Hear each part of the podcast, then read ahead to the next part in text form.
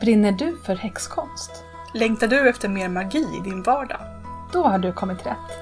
Ta lite fika och luta dig tillbaka. För nu blir det te och häxkonst.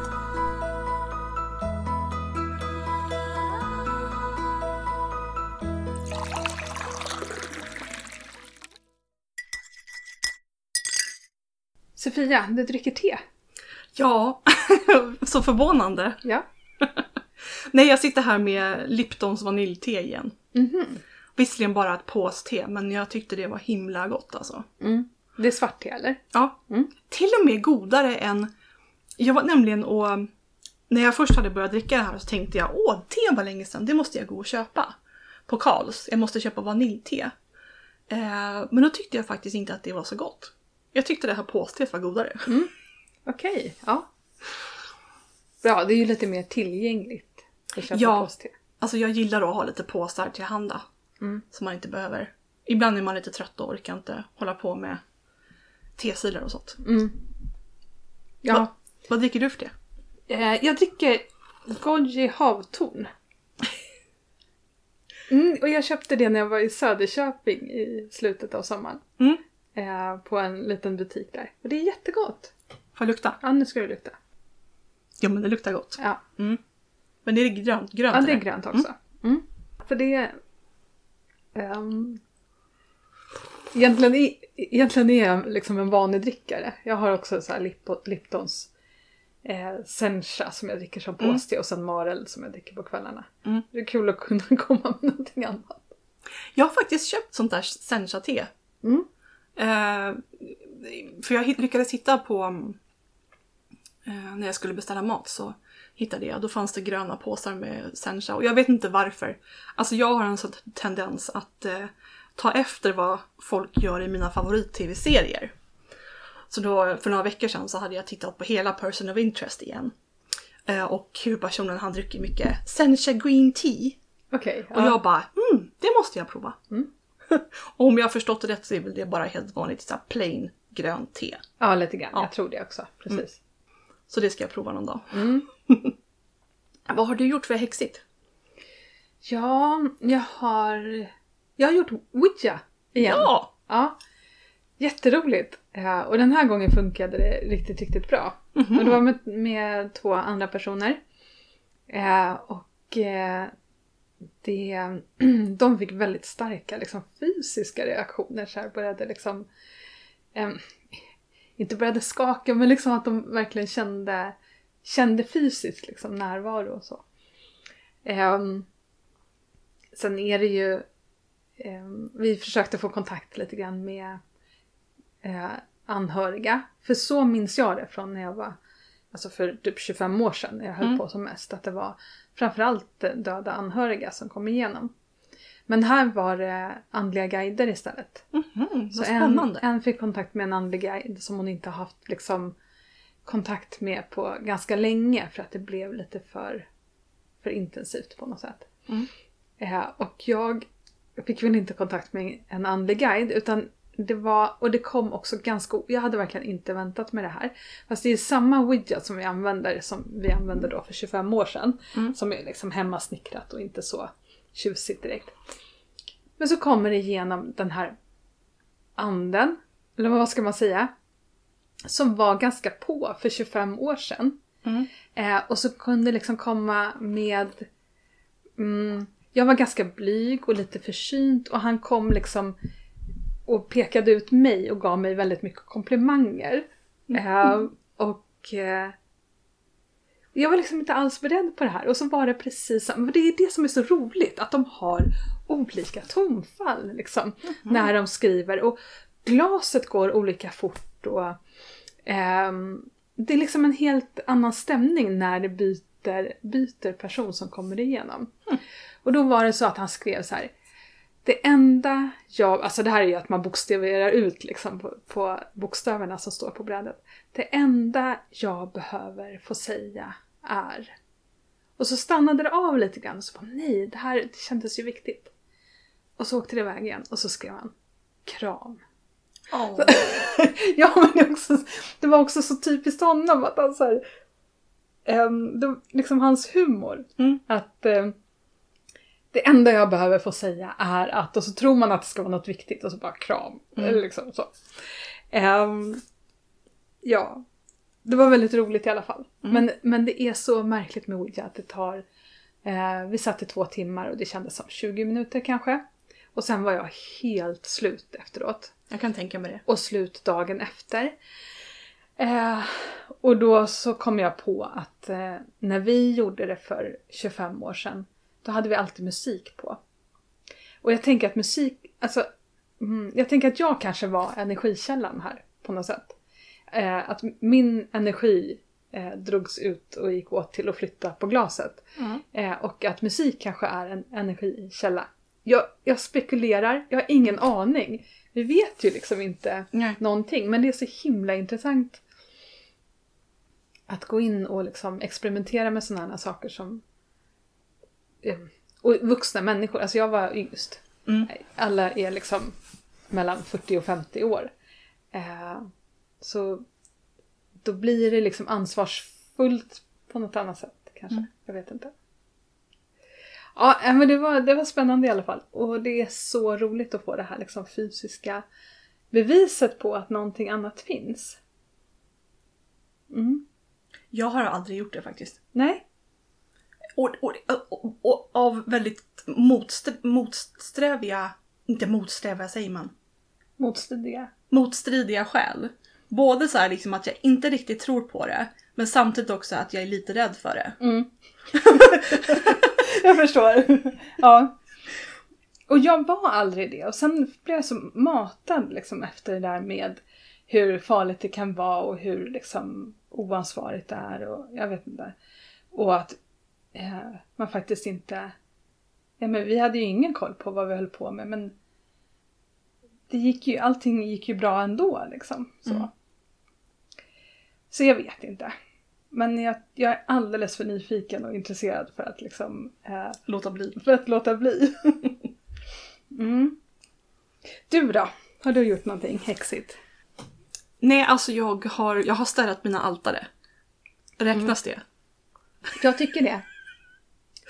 För, jag, för de hade verkligen, de var oj vad dammigt det var och det var massor med grejer och det var rökelse, aska och allt möjligt. Så Mm. jag tänkte att nej, nu måste jag skärpa mig. Plus att jag tyckte att det hade blivit lite för mycket grejer också. Ja, det Eh. tenderar ju att bli det. Ja. Eh, så jag eh, dukade av precis allting från altaret och så torkade jag och jag ja, liksom gjorde rent ordentligt och så satte jag upp nya altare. Mm. Och med lite mindre grejer på så att det skulle bli lite mera ehm, starkare energi. Jag tycker ofta att när man har för mycket på altaret så kan det bli lite Ja men det blir inte så, så starkt som man, som man hade tänkt sig utan om man håller sig till några få saker så blir det oftast mera kontakt med, ja med Hekate då i mitt fall. Mm. Men jag tycker att det ger ju liksom en eh, liten skjuts i utövandet. Jag, jag skrev ut min dagbok ganska nyligen. Mm. Eh, och då är den, den är liksom bunden med, det är fem häften och så är det ett läderomslag. Mm. Så då, då, det som jag gör är att jag köper akvarellpapper och så viker jag nya häften och Mm. binder in dem i det här läderomslaget. Ja, Så. fint. Eh, men då blir det, det blir liksom en, en ny start och eh, lite, lite inspirerande liksom. Mm. Att, eh, så då i början så skrev jag jätte- jättemycket i dagboken. Nu har det börjat sakta av, sakta Mm. av lite grann igen. Eh, och väldigt så här, ja men ritade mycket och gjorde liksom fina grejer. Så. Så, så tycker jag att det kan kännas med altaret också. När man Ja. städar. För det, vem vill sätta sig ner vid ett altare som är täckt av damm och fullt med skräp? ja men precis. Mm. Eh, men det blir också en intention i det när man, så här, man städar och man bestämmer vad som ska finnas på altaret. Mm. Mm, Jag har haft väldigt starka drömmar också på sistone. mm, Jag hade bland annat en dröm när jag mitt i drömmen så såg jag en bild på min mormor som är död sedan länge. Ehm, och sen på något sätt så... Var det hon som bodde i den här lägenheten? Nej, det var min farmor. Det var farmor. Ehm, men på, på något sätt så ur en annat foto på henne så kom hon fram levande och blev i färg. Och så kramade jag henne och sa så här hej då. Men gud vad fint! Ja, det var jättehärligt. Jag bara mormor. Åh, Ja. vad fint! Det tror jag var på riktigt. Mm. Det var väldigt starkt faktiskt. Mm. Jo, jag har haft någon så här nätter där jag bara vaknar och bara shit, jag måste skriva ner det här i min dagbok. Det här var ju helt sjukt. Mm. Och apropå häxigt så har vi ju båda två tittat på Andarnas rike förstås. Mm. Mm. En dokumentär i fyra delar som har gått på SVT. Mm. Eh, om... Nyandligheten i Sverige. Mm. Och varför det är så populärt. Med Mm. tanke på att vi är världens mest sekulariserade folk. Ja, jag tycker att det är intressant att hon använde ordet sekulariserad. För att, och jag slog upp det och, eh, och upptäckte att hon använder det ju... Eh, man kan använda det så som hon gör. Men för mig är sekulariserad att staten och eh, kyrkan, alltså staten och religionen inte... De är åtskilda. Att de är åtskilda, precis. Eh, och det är ju... Det har ju liksom staten och religionen i Frankrike till exempel har ju varit åtskilda sedan 1800-talet eller franska revolutionen egentligen. Tror jag, Mm, tror jag. jag är inte helt hundra. Men, men medan i Sverige så var det liksom år 2000 så att Mm. vi är ju ganska sena med det där. Eh, men hon använder det ju som att vi är liksom religionen inte har betydelse. Ja, jag tror inte att det kanske är... Och det är också korrekt upptäckte jag då. Ja. Nej men så här liksom i, i båda betydelserna. Mm. Liksom. Fast kanske mest då i den mera liksom att vi är väldigt oreligiösa. Mm, precis. Eh, Och det har vi väl varit ganska länge, inte bara sedan år 2000. mm. Ja men visst, precis. Vi är ju liksom det rationella folket, det förnuftiga folket på Mm. något sätt. men ja, okej, säg vad du tyckte då om, om den här. Första avsnittet tyckte jag var helt okej. Jag tycker det var roligt att se häxritual och, och sådär. Eh, personligen så tyckte jag att det var för mycket fokus på spöken och andar. Eh, men man, så man kan jämföra det lite med, alltså att se på andarnas rike som häxa, det är som att gå på Harmoni Expo. Det är alldeles för mycket spöken och alldeles för lite häxerier. Eh, Alldeles för mycket också så här eh, new age. Eh, Jo men så här liksom manliga medium som ska hjälpa dig att upptäcka sanningen och tar liksom ganska bra betalt för det. mm. Eh, Ja, det är, jag har så mycket att säga om den här dokumentären. Okej. Ja, börja! En sak är det. Att hon, hon hela tiden utgår ifrån att folk blir rika på det här. Mm. Det är, folk blir ju inte det. Alltså okej, jag tror att det kanske finns vissa manliga medier kanske. Nej, jag tror inte det. Folk kämpar ju verkligen liksom. För att de vill, de verkligen vill ägna sig åt det här och att det är det viktiga i livet. Eh, och man vill leva sin dröm. Men, men Rosie, Rosie Björkman har ju aldrig haft massa med pengar liksom. Ehm, jag tror inte Hella är jätterik eller Rebecca Tiger. Alltså folk tjänar inte så mycket pengar på det här. Ehm, det finns en bild av att man, att man gör det, att man liksom tjänar storkovan. Jag tror man gör det kanske i USA liksom, om man blir någon sorts sektledaraktigt liksom. Och, Mm. nej. Nej. Nej men du har rätt, alltså, man, alltså fan, det, det är ju lite som att, att bli författare liksom. Om man vill tjäna pengar så finns det bättre yrken Ja, men verkligen. än liksom för om man, om man ska tjäna pengar. Mm. Medan några få kanske blir rika på det. Men det är verkligen inte... Alltså det, det, det, det tyckte jag var oförankrat. oförankrat. Mm.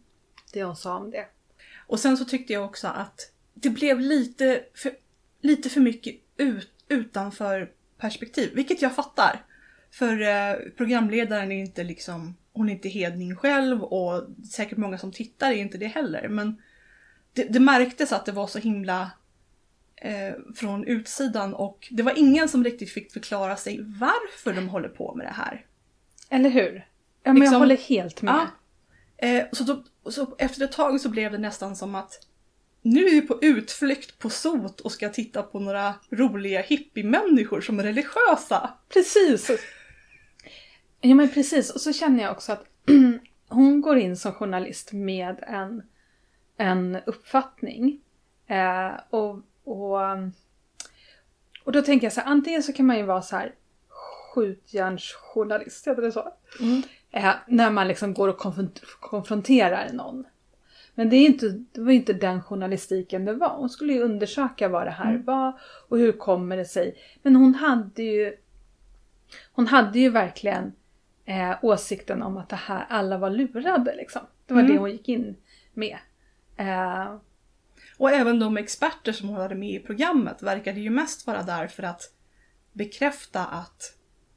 Men liksom i, i att de liksom försöker förklara varför så blir det någon sorts bortförklaring. Mm, mm. Och jag kände mig lite oroad faktiskt när jag hörde den här psykologen. Det var en kvinnlig psykolog som så liksom pratade om det här att Ja, men det är ju en förvirrande tid, tonåren, och, och då är det klart att man söker enkla svar. Och, eh, men de här tonåringarna, de kanske skulle behöva någonting annat än tarotkort eller en schaman eller...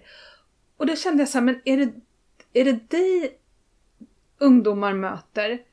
Ehm, ska du ta hand om ungdomar med problem och förstår inte vad andlighet är för någonting, Mm. för det första. Mm. Och sen också inte heller vet vad shamanism är för någonting. Alltså det är en, liksom... Det där gör mig jätteupprörd, för det är det här etnocentriska. Mm. Eh, att vi är de enda som vet. Vi sitter inne på sanningen. Vi är de enda som vet. Alla andra är lurade. Alltså det här är kulturella uttryck som är urgamla och som är liksom finns över hela världen. Hur kan man bara behöver inte en schaman? Hon vet inte ens vad en schaman håller på med liksom. Mm. Plus att liksom tonåringar med problem. Jag tänker liksom så här att om man verkligen är en tonåring med problem så, så går man inte till en schaman eller till tarotkort utan hennes uppgift är ju att ta emot eh, folk som verkligen mår dåligt. Mm. Den, den gruppen är ju liksom inte de som håller på med kristaller och tarot. Nej, kanske inte. Inte riktigt. Nej, men det är inte riktigt samma sak. Nej, Nej, du precis. har rätt i det. Ja. Att, liksom att ha psykologiska problem är inte samma sak som att ha existentiella fråg, frågeställningar. Så bra! Gud vad bra du är! Precis Sofia! Eller det kanske finns psykologer som tycker det, att om man är andlig så har, är man, då är det något konstigt Eller i hur? huvudet. Ja, men det var, ju lite, det var ju lite så de ställde sig. Och sen också tycker jag så här, men tarot är ju ett utmärkt redskap för självreflektion. Ja, verkligen. Varför ska man då liksom avfärda det? Och jag tänker, jag, är inte det liksom vad en terapeut är till för? Att ställa frågor Mm. som gör att man tittar liksom på sina problem från andra perspektiv. Mm. Det är ju precis det som tarotkorten Mm. kan, kan göra också, och rakelkort och, Mm. och så. så. Ja, nej. Alltså jag går till en psykolog, eh, men mycket av det som jag har lärt mig om mig själv har ju varit långt innan jag träffade henne. Och det har ju varit delvis genom tarotkort, genom att läsa häxiga böcker, att fundera på sådana här frågor. Ja, precis. Ja. Ja, och sen, sen en annan sak som jag tänkte på med det här också. Det är att de, det som du brukar säga, det är att kyrkan har haft monopol på andlighet under så otroligt lång tid. Eh, och sen skalar man bort kyrkan och den förlorar sitt inflytande. Och nu när vi söker andlighet så gör vi det genom det sätt som vi förstår oss på. Och det är konsumtion. Alltså jag tror att det är det Harmoni Expo handlar om. Att eh, vi, vi behöver någonting i vårt liv och vi, det, konsumtion är typ det enda vi har lärt oss. Mm. Liksom. Och då går vi dit och så handlar vi saker. Mm. Eh, men jag, jag kan också bli irriterad på att man tycker att det är så... Alltså folk handlar inredningsdetaljer för... Alltså folk gör om sitt kök var fjärde år Ja, och tror att de ska bli lyckliga för det. Varför kan inte Ja. jag få köpa en kristall och känna att det här är värdefullt? det Liksom? är billigare att köpa kristaller än att göra om sitt kök för 200 000. Jag förstår inte varför det gör, det gör folk så upprörda liksom. Eller man går till en healer eh, och, och, och men det var ju ändå lite intressant att hon i sista avsnittet då ändå blev ganska berörd av den här själsresan som hon gjorde hos, Mm. hos Rebecca Tiger. Eh, och som har för mö- mödrasmakt. Ja. Eh, Men det var, där såg man ju verkligen liksom att oh, här hände det någonting. ja, precis. Och hon visste inte riktigt hur hon skulle förklara det. Men, Nej. det, hade, men det påverkade. Mm. Och det tyckte jag liksom att ja, det är ju därför man håller på med det här. För de här inre upplevelserna. Ja, precis. Mm. För att så känna sig lite... Men jag, jag kan tycka att gå till en healer, det är som att gå och få massage. Mm. Fast det är för själen liksom. Man går Och man mår lite, man känner sig avslappnad och mår bra efteråt liksom. Mm. Ehm, Apropå tarotkorten så tyckte jag också att det var lite synd att vi fick ju se en läsning hos en riktig person men förutom det så var det typ en YouTube-video. eller hur? Det är ju inte exakt den seriösa sidan Nej. av tarotvärlden man får se. Nej, precis. Men sitter de och skrattar? Alltså jag tycker att det är ganska oförskämt också. Mm. Det är någon, någon ung tjej som har suttit där och satt ihop en video på eh, Youtube eller TikTok eller vad det nu kan vara. Liksom, och, och gör nå- där är ju väldigt vanligt det där att man lägger kristaller på kort, upp och nervända kort.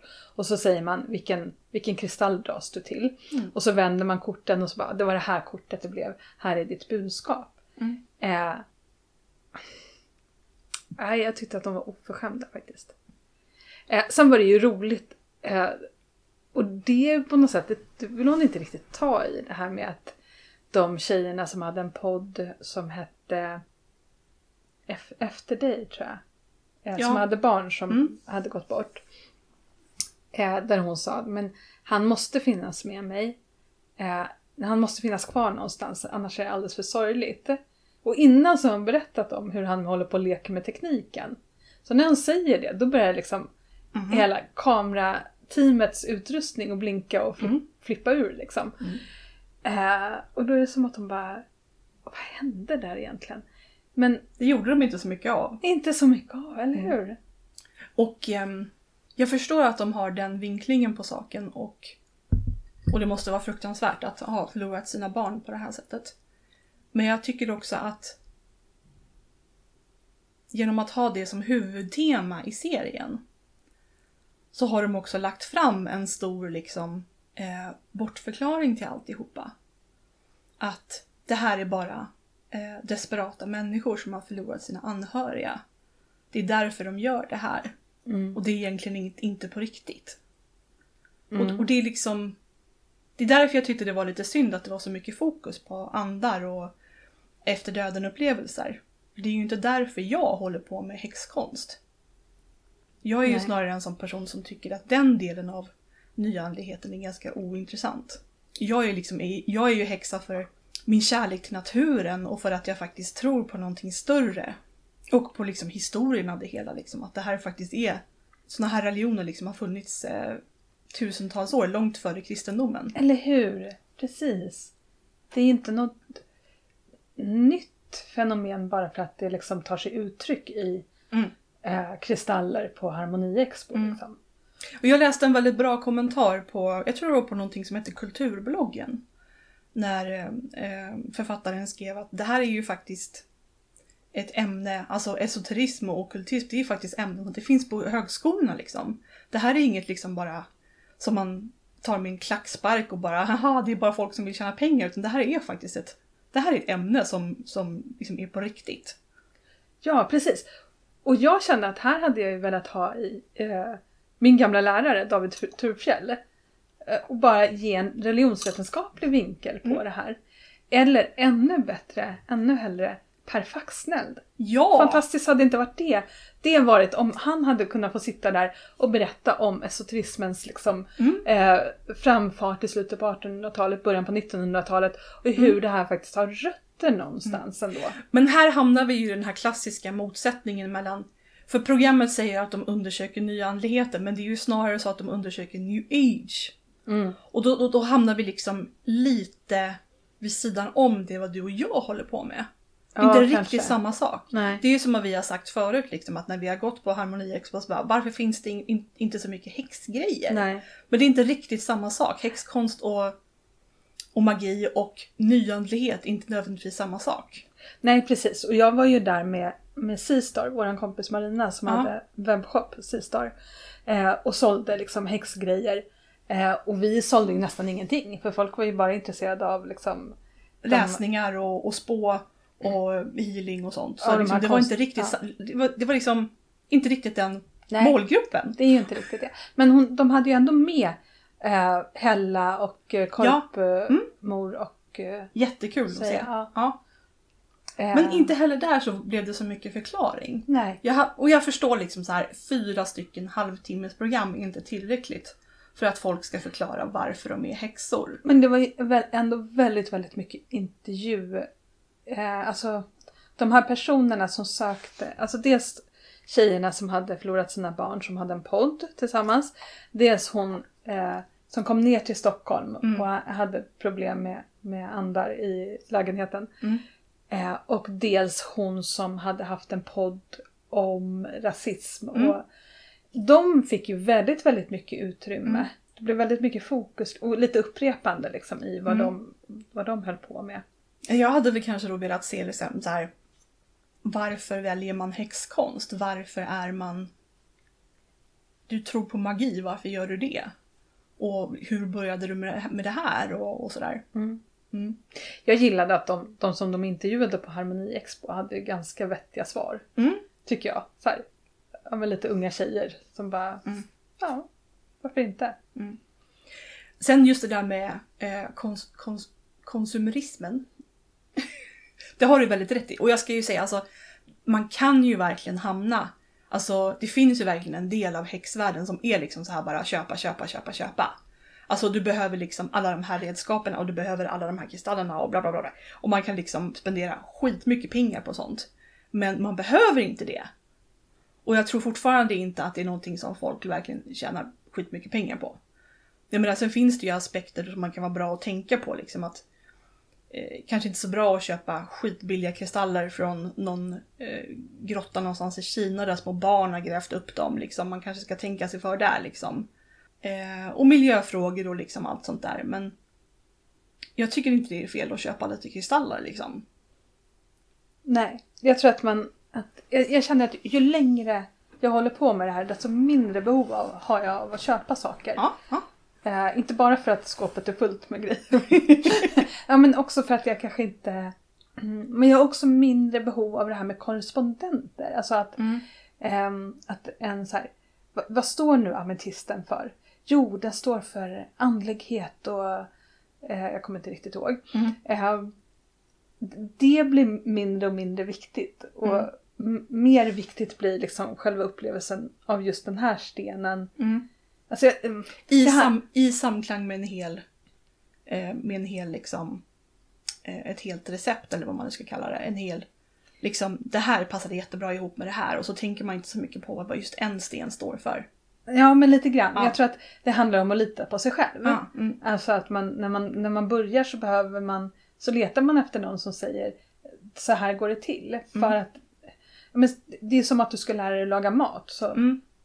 I början så följer man recepten precis. petnoga. För man kan liksom inte tillräckligt mycket för att kunna improvisera. Ja, precis. Och så är det ju precis när man börjar med häxkonst också. Man, liksom, man vill ha en bok där det står exakt vad man ska göra. Och man vill ha en korrespondenslista. Mm. Ehm, mm. Men det är också så här liksom att det är, det är liksom intressant så här. Varför är det acceptabelt att lägga pengar på ett nytt kök för 200 000? Men det ses som konstigt och flummigt att lägga sina pengar på kristaller och tarotkort. Ja, precis. Det är ju kapitalism båda två. Ja, men eller hur? och, och precis. Alltså, det, jag har blivit lite antikapitalist på gamla dagar så ni kanske får höra lite mer om det. Nej men liksom jag, Jag tror att du predikar för kören här. Ja, nej men alltså jag har verkligen börjat, alltså det slog mig precis bara, varför är det liksom eh, samhälleligt acceptabelt med ett kök men går man och liksom köper kristaller och lägger sina pengar på andlighet då är det helt plötsligt lite konstigt. Det är Ja. som att liksom samhället bara, nej det är meningen att du ska lägga dina pengar på ett kök. Det här är bara konstigt. Precis. Det här är, det här är bara, betyder ingenting. Det är Mm. liksom bara luft. Mm. Så. Medan ett nytt kök, det, Mm. det och, Men vad betyder det Ja, egentligen? men alltså jag liksom, vad fan ska jag med ett nytt kök till? Ja, precis. Ja, mm. Mm. Ja, men jag kan också, jag kommer också att tänka på hur mycket, när jag var liksom tonåring och i yngre 20-årsåldern, hur mycket pengar jag kunde lägga på smink. Mm. Ja, just den här hudkrämen eller den här mascaran eller nu köpte jag någonting nytt, det här kommer förnya. Alltså, det är inte uttalat i huvudet men det är ändå känslan är att Mm. Ja. nu kom, det här kommer förnya mitt liv liksom på något sätt. Eh, och lite samma känsla har jag nog kunnat ha när jag köpt liksom kristaller eller Mm. Eh, men men det, det är på ett djupare plan liksom. På något sätt. Men alltså det är ju, det, man får ju lära sig att det är därför man köper saker. Mm. Det är ju det kapitalismen bygger på. Att man liksom, man ska bli glad av att köpa saker. Mm. Och då tycker jag liksom att då är det väl betydligt mer konstruktivt att köpa tarotkort och använda än att liksom köpa ett nytt kök Mm. eller en bil. Eh, en sak som jag absolut blev förbannad på, det, till och med så att jag började så prata med tvn på en gång. Det var när, jag tror det var programledaren som ställde den här frågan att eh, om, om, om din tonåring kom hem med kristaller och tarotkort, hur, hur, vad skulle du göra då? Och jag bara med en gång, jag skulle bli glad och säga ska vi lägga tarotkort? Eller hur? Men det var ju den där konstiga psykologen som Ja. bara... Liksom, Som att det skulle vara något farligt. det är inget farligt! Jag fick så här högerkristna vibbar från liksom USA. Det kändes som liksom någonting som en amerikansk psykolog skulle säga som var kristen och som bara ajabaja, inte hålla på med sånt! På väg in i huset liksom. Ja. Ja. alltså jag skulle bara bli glad. Jag skulle liksom bara, åh vad roligt! ja. Ska, ska vi läsa tarotböcker tillsammans och lägga lite kort? Men det var så otroligt patroniserande. Liksom. Ja. Att ja, då ska man... Istället för bara, ja det här var ditt intresse liksom. Mm. Själv är jag intresserad av eh, ett nytt kök. Och sen kan jag också, jag kanske störde mig lite på liksom att det var en sån stor del av programmet att varför håller så många unga på med det här? Och jag bara, fast det är ju inte bara unga. Det, är liksom, det finns plenty med människor liksom i vår ålder som har hållit på med det här jättelänge. Och som blir liksom glada och lyckliga av det. Så varför liksom allt det här fokus på TikTok? Precis, ja. Ja, det är väl det. Men återigen, där har vi liksom, det är en del av den världen. Det är väl där det syns. Det är väl Ja. det det handlar om. Mm. Det är där det syns. Det är där Ja. liksom uppmärksamheten kommer. Mm. Och det har ju blivit väldigt populärt de senaste åren. Det, det märker man ju liksom i mainstream media och på sociala medier. Så här, liksom, det har blivit, blivit populärare. Mm. Vilket jag tycker är bra i alla fall. Jag tyckte det var intressant med den här också. Uh, vad sjutton var han? Någon hjärnforskare eller något sånt där. Mm. Som bara, ja, ibland, hjärnan funkar så att ibland ser man saker som inte finns. Typ.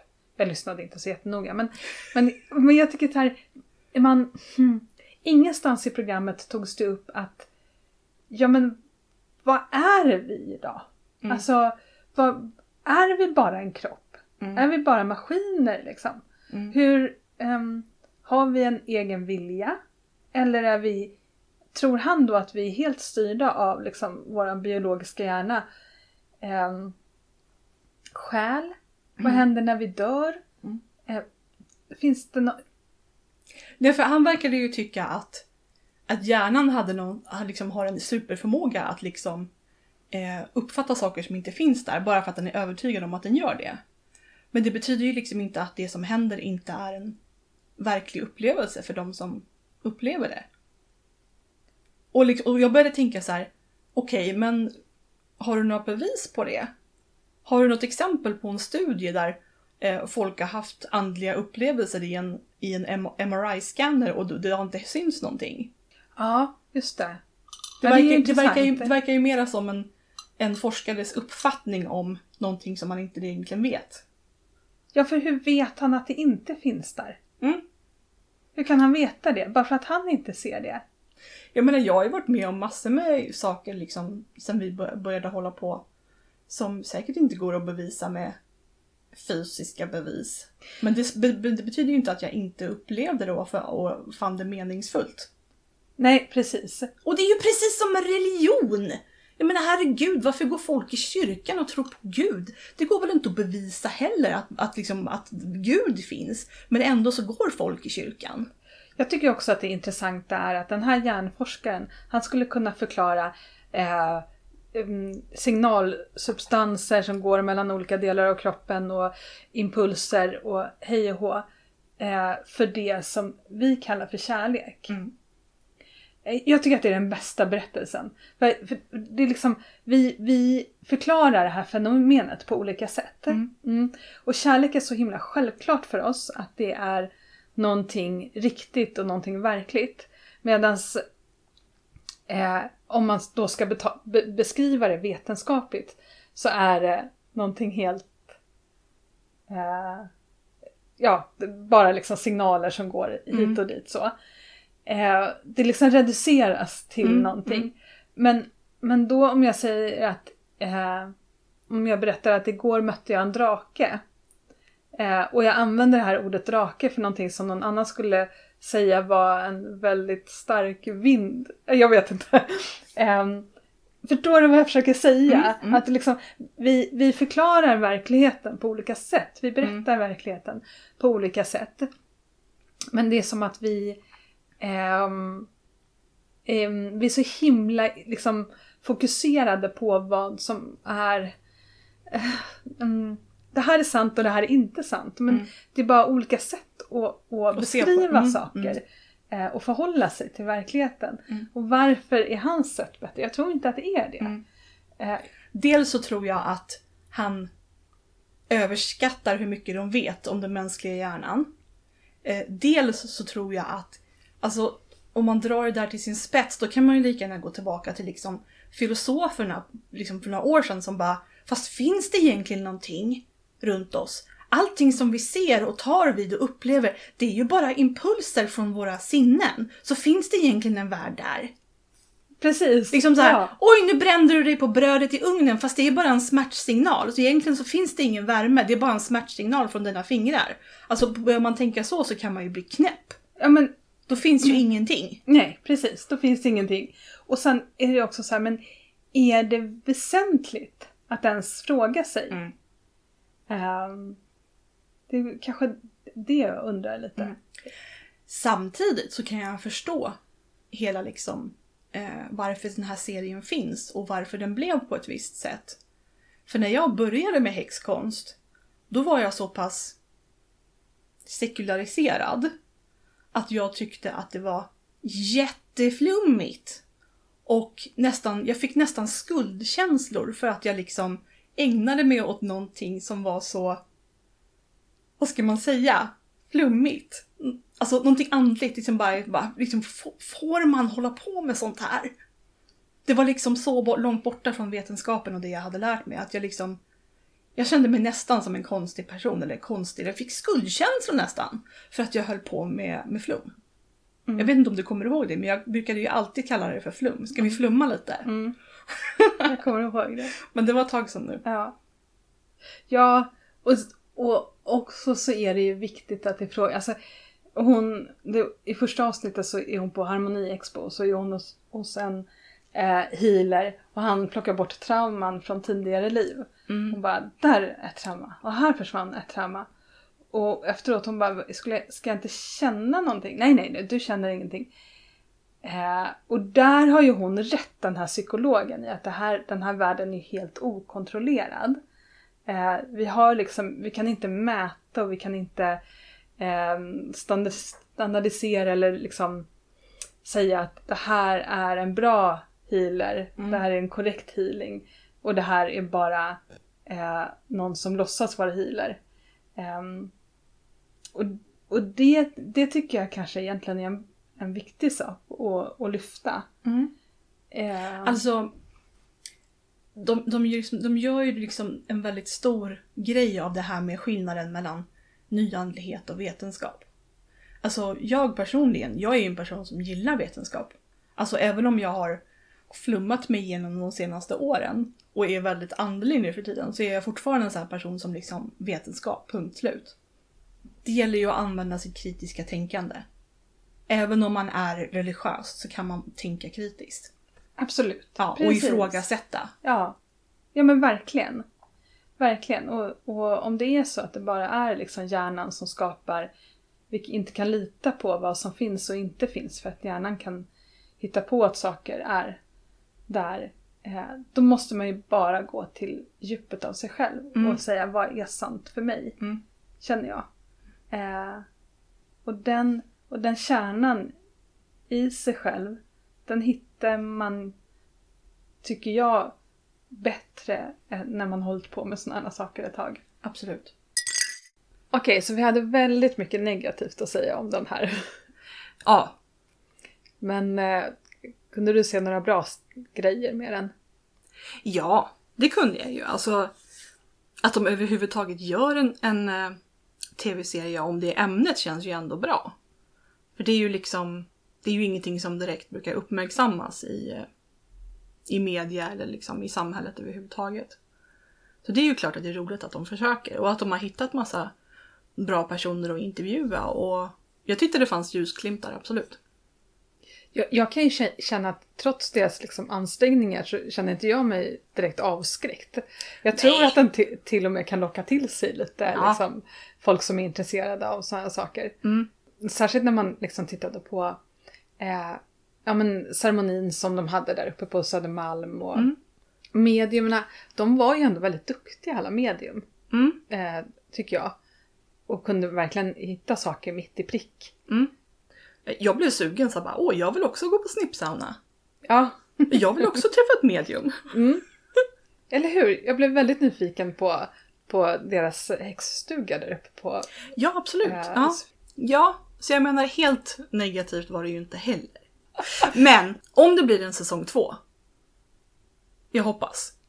Eller jag hoppas inte för att jag liksom vill se mer utan jag hoppas att de i så fall kan ge, ge en mer nyanserad bild. Eller hur? Ja, Ja. verkligen.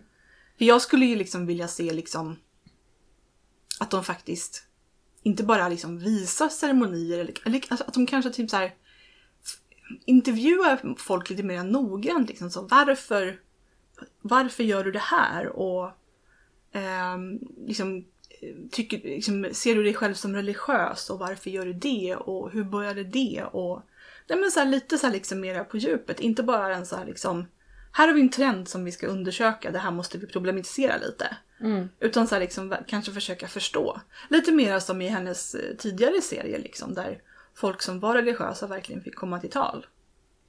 Men det hade ju varit mer intressant om de hade delat upp det med eh, men, till exempel att eh, ett avsnitt hade handlat om mediumskap. Mm, Eh, ett annat avsnitt hade handlat om häxkonst. mm, Ett tredje om kristaller. mm. Och så gå på djupet i det. Ja, Och lite olika vinklar och så. mm. För det var ju en, en del saker som liksom inte ens blev riktigt klart varför de tog upp. Mm. Utan det var liksom så här bara, det här håller en del folk med på, på med. Mm. Jag kan ju känna att jag är... Jag skulle själv aldrig vilja vara med på det sättet. Jag tycker det här har ju varit ganska svårt för mig, det här med poddandet. Mm. Bara det, och då är det ändå på mina villkor. Liksom. Eh, men jag är väldigt... Eh, jag, jag beundrar att de, de som vågar, liksom. Mm. att de, de ändå ställde upp och, och jag tyckte att de gjorde bra ifrån sig. Liksom. Mm. Även om, om journalisten kom in med en väldigt märklig vinkel. Liksom. Mm. En annan sak som jag tycker de inte tog upp alls, det var ju det, så här, det, var ju det här med liksom häxor och kvinnor och feminismen. Mm, Varför absolut. är det så många unga tjejer som dras till det här? Varför kallar man sig för häxa? Var kommer det ifrån? Vad har man för uppfattningar om ordet? Och liksom, det hade ju varit en jättegrej och då förstår jag att de kanske inte hade utrymme för det. Men liksom hallå! Det är ju en jättevinkel. Ja, verkligen. Ja, Det hade ju varit mycket mer intressant. Varför är det så många kvinnor och tjejer som helt plötsligt liksom omfamnar det här begreppet häxa? Mm. Man kunde ha en genusvetare som satt där och pratade istället för en hjärnforskare som förklarade att allt man såg var inbildning. Liksom. Mm. Så det hade jag väl önskat mig. Mera liksom på djupet och mera... Och jag förstår liksom igen att det de har liksom koncentrerat serien på är mest liksom det new age som har med kristaller och healing att göra och spöken. Men ändå, jag hade önskat att det hade liksom blivit så här liksom Jaha, du kallar dig för häxa. Varför gör du det? Och var kommer det ifrån? Och även miljövinkeln. Men jag fattar att det här liksom är en religionsserie, inte en häxserie. Berätta miljövinkeln. Nej men så här, varför, varför blir man häxa? Jo delvis för att man liksom, man älskar naturen. Och man vill liksom, man ser en, en besjälning i den. Inte bara liksom att naturen ska utnyttjas för sina resurser utan att det verkligen finns någonting djupare ute i naturen. Mm. Och att man därför liksom inte vill skada den. Att man ser naturen som ett levande kretslopp som vi måste ta hand om. Ja, och också kanske ta upp att eh, hur eh, trasigt vårt samhälle är. Mm. Eh, och hur, hur många vi är som bara inte fungerar i Ja samhället. men precis, liksom så här, varför är det så många som dras till det andliga när vi är så sek- sekulariserade? Ja, kanske för att kapitalismen får oss att må dåligt allihopa. För att det kanske liksom saknas någonting. Liksom, det enda vi gör är att jobba och köpa saker och dö. Det är väl inte undra på om folk är liksom sjuka och ledsna och deprimerade och knaprar tabletter liksom som aldrig tidigare. Eller hur? Och tänk dig då att vara 19 år och så här, nu ska jag ta studenten. Ja. Och vad är det jag ska komma ut till? Mm. Va, liksom, Jobbhets och miljöförstöring. mm. Ja, då är det inte undra på att man liksom kanske letar efter någonting annat. Nej, så som slutsats så skulle jag ge den här serien två kvastar av fem. Den tar sig upp från marken men inte mycket mer. Det var allt för den här gången, kära häxor. Tills nästa gång, följ kvasten dit den flyger. 呀。